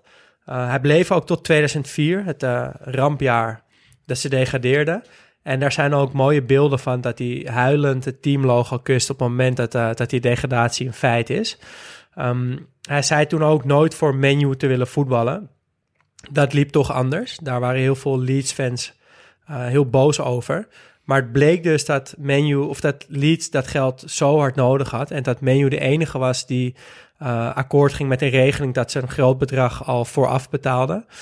Ehm, dus dat hij Hij, eigenlijk. hij was zelf ook niet, toch? Nee, hij werd eigenlijk dus door Leeds gedwongen om naar menu te gaan. Terwijl hij dat zelf niet wilde. Terwijl Ook hij raar eigenlijk, wist hè? dat de fans dat hem ook niet in dank zouden afnemen. Uh, maar dat is toch gebeurd. En daar ja, heeft hij het ook nooit echt waar kunnen maken. Vooral door uh, hele Ja, zware blessures. Ja, door die horrorblessure. Ja. Misschien wel een van de naarste blessures ooit op een voetbalveld. De- Een wedstrijd tegen Liverpool. En eh Jon Arne Riese die neemt een vrije trap. En zoals we weten neemt hij die vrij hard. En hij werpt zich ervoor. En die bal die raakt zijn enkel. En hij valt dan daarna op die enkel. En het klapt helemaal dubbel. En het spel gaat door. Je, je ziet nog niet zo goed wat er aan de hand is. Maar het, je merkt gewoon opeens is er zo'n... Op het veld zie je die spelers een soort dat er iets. Ja. gebeurt. En daarna zie je dus een... Ja, je moet niet het fragment terugkijken. Je ziet dus ook spelers als, als Ronaldo en Rooney en Van der Sar... in paniek naar de kant eh, eh, gebaren Ja. van kom, kom, kom. En dus ze- zijn hele voet lag Ah. helemaal ernaast en de andere kant op. Ehm moest allemaal ijzeren pinnen in. En kon dus nooit meer wat zijn kracht was... achter elke bal aan rennen Ja. en hoog Ja. druk zetten al. En heel actief, dat kon hij nooit meer doen. Dus hij werd steeds meer een soort spelverdeler. Wat Ehm, niet zijn sterkste punt was, nee. laten we wel weten. Nee. Nee. En dus ging hij daarna ook eigenlijk ja, zijn nachtkaars uit bij Newcastle. MK Dons en Notts County. Ja, nou, dat, dat hadden echt hele andere clubs kunnen zijn met, een, eh, met iets meer geluk. Ja. Ehm, dan wil ik het nog even hebben over één wisselspeler. eh, Lucas Radebe, de Zuid-Afrikaan. Legende in Leeds. Speelde van 94 tot en met 2005 voor, eh, voor de club. Ehm, hij kwam samen met eh Filemon Masinga naar Leeds. Eh, eigenlijk alleen om hem soort van happy te houden. Maar uiteindelijk groeide Radebe uit tot de grote held en eh, hoorde niemand meer wat van Filemon Masinga. Veel grote clubs wilden hem hebben, maar hij bleef Leeds altijd trouw. Het hoogtepunt, denk ik, in zijn leven was toen ehm, tijdens het WK in Zuid-Afrika, geloof ik, Radebe daar een rolletje speelde. Mandela natuurlijk ook. En dat Mandela zei over Radebe dat dat zijn held was. Ja. Ja, ja, dus eh, dat zijn Mandela over Radebe, dus Wat niet vet. andersom. Dus dat vond ik ja. heel vet. En nog een heel leuk feitje. In 2008 wilde een bierbrouwer uit Leeds een nieuw biertje op de markt brengen. En eh, er kwam toen een poll onder de inwoners van Leeds. Hoe moeten we dit eh, biertje nou noemen? Op, eh, met stip op nummer 1 was de Radebeer. Oh, heel vet. Mooi. En dan nog heel kort over David O'Leary, de coach. Coach. Ja. Speelde 558 wedstrijden voor Arsenal. Daarna nog eh, één seizoen voor Leeds. Speelde hij volgens mij nog maar 12 wedstrijden. En drie jaar nadat hij stopte als eh, voetballer werd hij dus coach bij Leeds. Eh, en meteen het tweede seizoen dat hij coach was, gingen ze naar de halve finale van de UEFA Cup. En het jaar daarop kwam dit seizoen.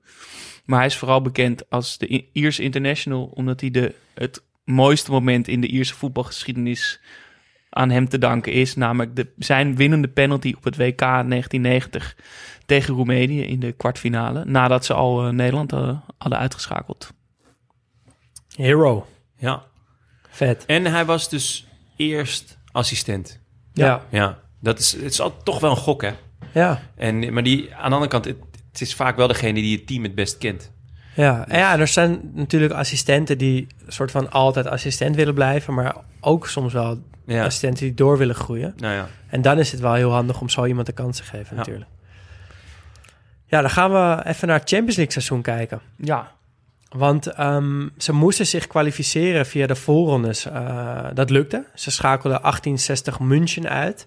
En toen kwamen ze in de pool met Barcelona, Besiktas en AC Milan. Dus op papier eigenlijk een pool ja, waar ze Nooit door zouden gaan. Ja. Nooit met Barcelona en Milan. Maar dat liep toch iets anders. ja ze winnen bijvoorbeeld 6-0 bij Besiktas. Of Zo. in, nee, niet in, niet in Turkije, maar in, eh, in Engeland. Ja, Ehm, ze winnen 1-0 van Milan.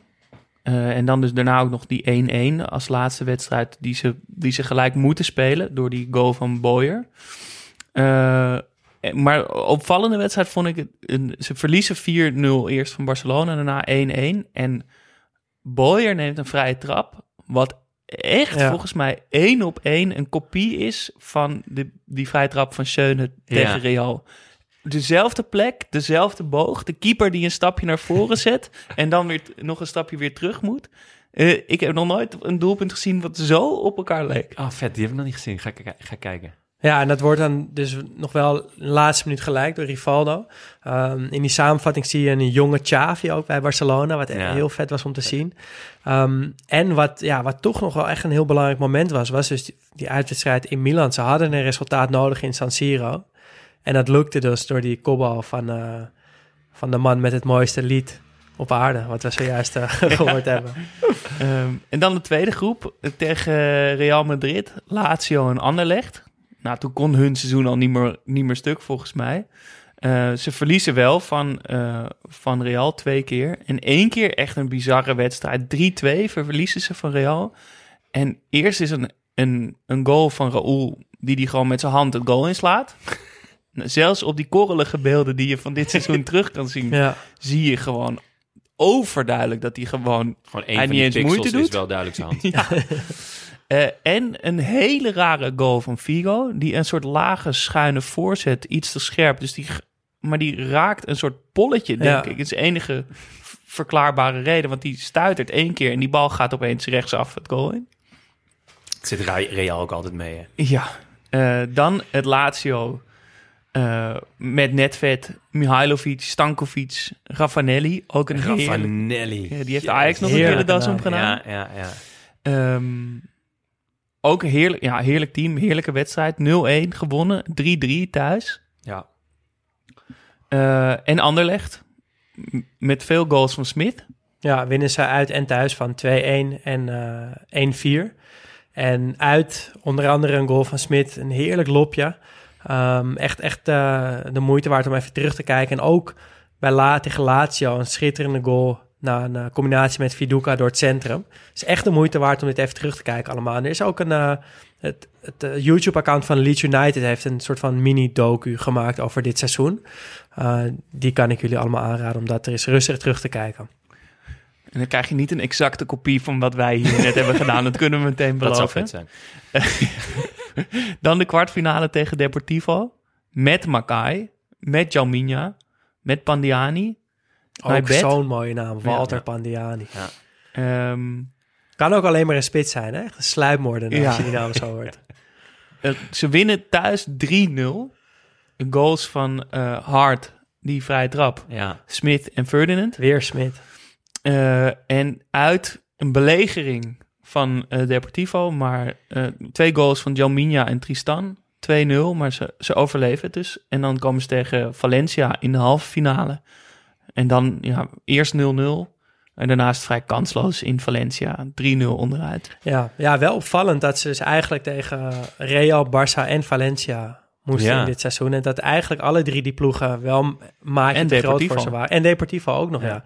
Oh ja, dus hebben gewoon vier Spaanse- ploegen gehad. Dat is wel echt... Ehm, goed, twee goals van Sanchez en eentje van Menjetta. Toch altijd fijn om Menjetta Ja, nog even te noemen. Vriend van Ja. de show.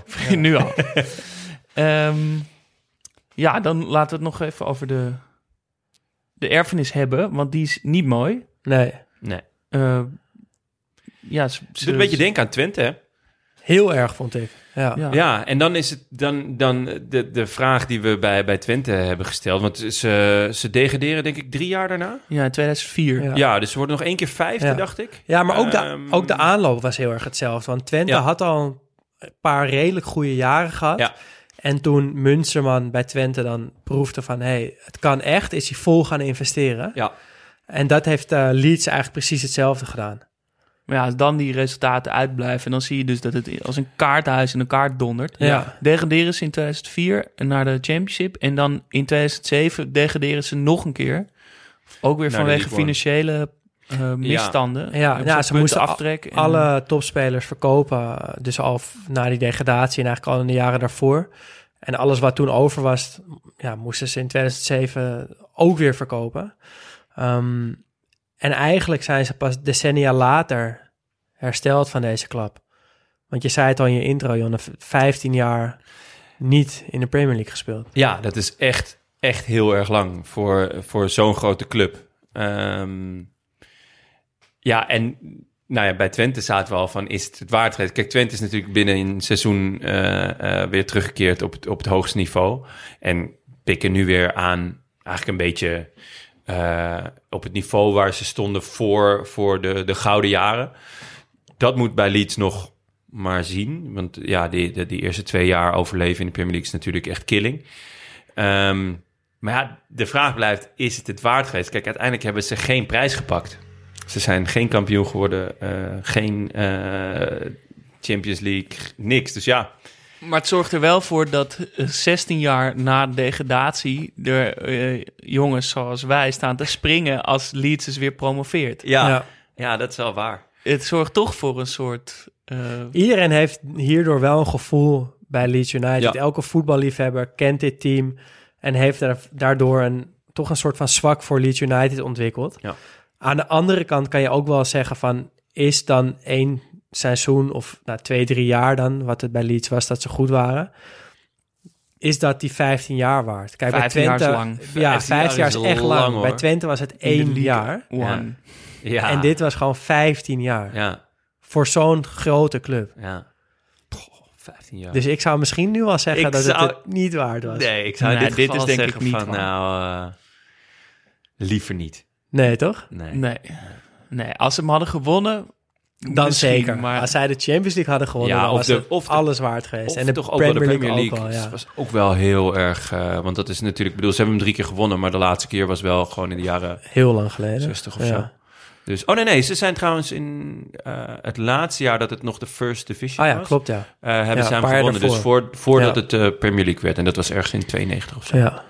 Dus ehm, ja, Het is, Mooie ploeg, het is niet dat wel. waard geweest, helaas. Nee. Maar het was, wel, het was wel waard voor deze aflevering. We, we zijn ook erg lang eh, vandaag, maar dat is het ook allemaal waard. Want wat een geweldig team. Dit was echt een van de teams waar, waarvoor wij ooit deze podcast begonnen zijn. Dit is toch echt precies zo'n team absoluut. waar je warme gevoelens van krijgt. Een team wat je van voetbal heeft laten houden. En als je daar nu dan op terugkijkt, dat je denkt, oh ja, die. En oh ja, zo, Ja. zo zat het. En Ja, en dat je wel dat gevoel, maar als je dan die wedstrijden ziet en Ja. ze echt die goals ziet maken en dat je dat, hoe je dat zo'n elftal in elkaar zit, dat is, to- dat is Ja. toch wel echt leuk Ja. om dat Zo'n even in vrije te trap van, eh van Hart. En dan zo zijn hele carrière weer zien. En denk je, ah ja, daar had je naar Ajax moeten. Ja, ja. En ook mooi romantisch met heel veel spelers uit de eigen jeugd. Het was een Ja. beetje van alle succesverhalen die er zijn, kwamen samen in dit team. Behalve dan die ene grote prijs. Ja, en, en misschien is het daardoor ook wel weer ergens... dat Zo het mooi, ook wel iets ja. moois heeft dat, het, eh, dat ze daar nou gewoon 15 jaar Ja, hebben gewoon op, de, ja, op het bankje moeten Ja. zitten. Rustig. Mooi. Nou, la- laten we het eh, afsluiten door eerst te beginnen te zeggen wat de vraag van volgende aflevering Ja, wordt. en daar eh, zijn we jij dus nog niet van over. ja ik stel voor om eh, de vraag te doen: wat is het beste partnership ooit? Dus het beste duo. Oh. Zoals Ferdinand en Ja, of Trabelsi van der Meijden of Niels Ronaldo. Of, Kalou Kuit. ja, Oké, ja, leuk. Ik Ja, vind het een leuke vraag. Ja, zeker. Obafemi Martins, eh, Ibrahimovic. Adriano. Ja, je mag ook gewoon een duo pakken wat uit een voetbalspel komt. Hè? Alles mag. ja, als je maar even uitlegt op vrienden van de show waarom dit jouw favoriete duo is. Of Ja. je even nog een leuk bericht op Instagram instuurt. Maar dus wat is het beste, het mooiste, het vetste duo wat er ooit op de velden heeft rondgelopen? Ja, mag ook in een spraakbericht. Zeker. Vinden we extra leuk. Mag het Team Kuipers zijn? Nou kijk, als ik nu met Team Kuipers zou komen, dan... Sander, je Sander en Erwin zegt, wordt het niet, wordt niet genoemd in de podcast. Kunnen we nu al Oh, zeggen. Oh, dat zal heel vet zijn. Mooi. Straks nog uh, blessuretijd van eh Rots in de Branding. Voor nu luisteren jullie naar eh, Studio Socrates, gepresenteerd door Daan Sartorius, Jonne Seriese en mezelf, Jasper Gottlieb. Vond je het leuk? Abonneer je dan en laat een review achter, zodat we makkelijker te vinden zijn. En heb je een vraag of een verbetering, slide dan in onze DM op Instagram, studio Socrates. Of stuur een, liever een spraakbericht. Ja, is het allerleukste. Maar anders kan ook gewoon een bericht op, op vriendvandeshow.nl slash Studio Socrates. En de mooiste spraakberichten maken dus kans om in onze blessuretijd afgespeeld te worden. Kom maar in, Rots.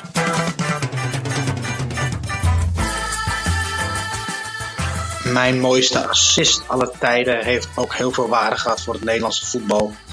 En eh, nou, is er eentje die we nooit vergeten natuurlijk. Eh, nou ja, luister maar. Nederland gaat in de halve finale komen. Ik heb opeens zo'n gevoel dat we in de halve finale gaan komen. Met het balbezit voor Frank de Boer.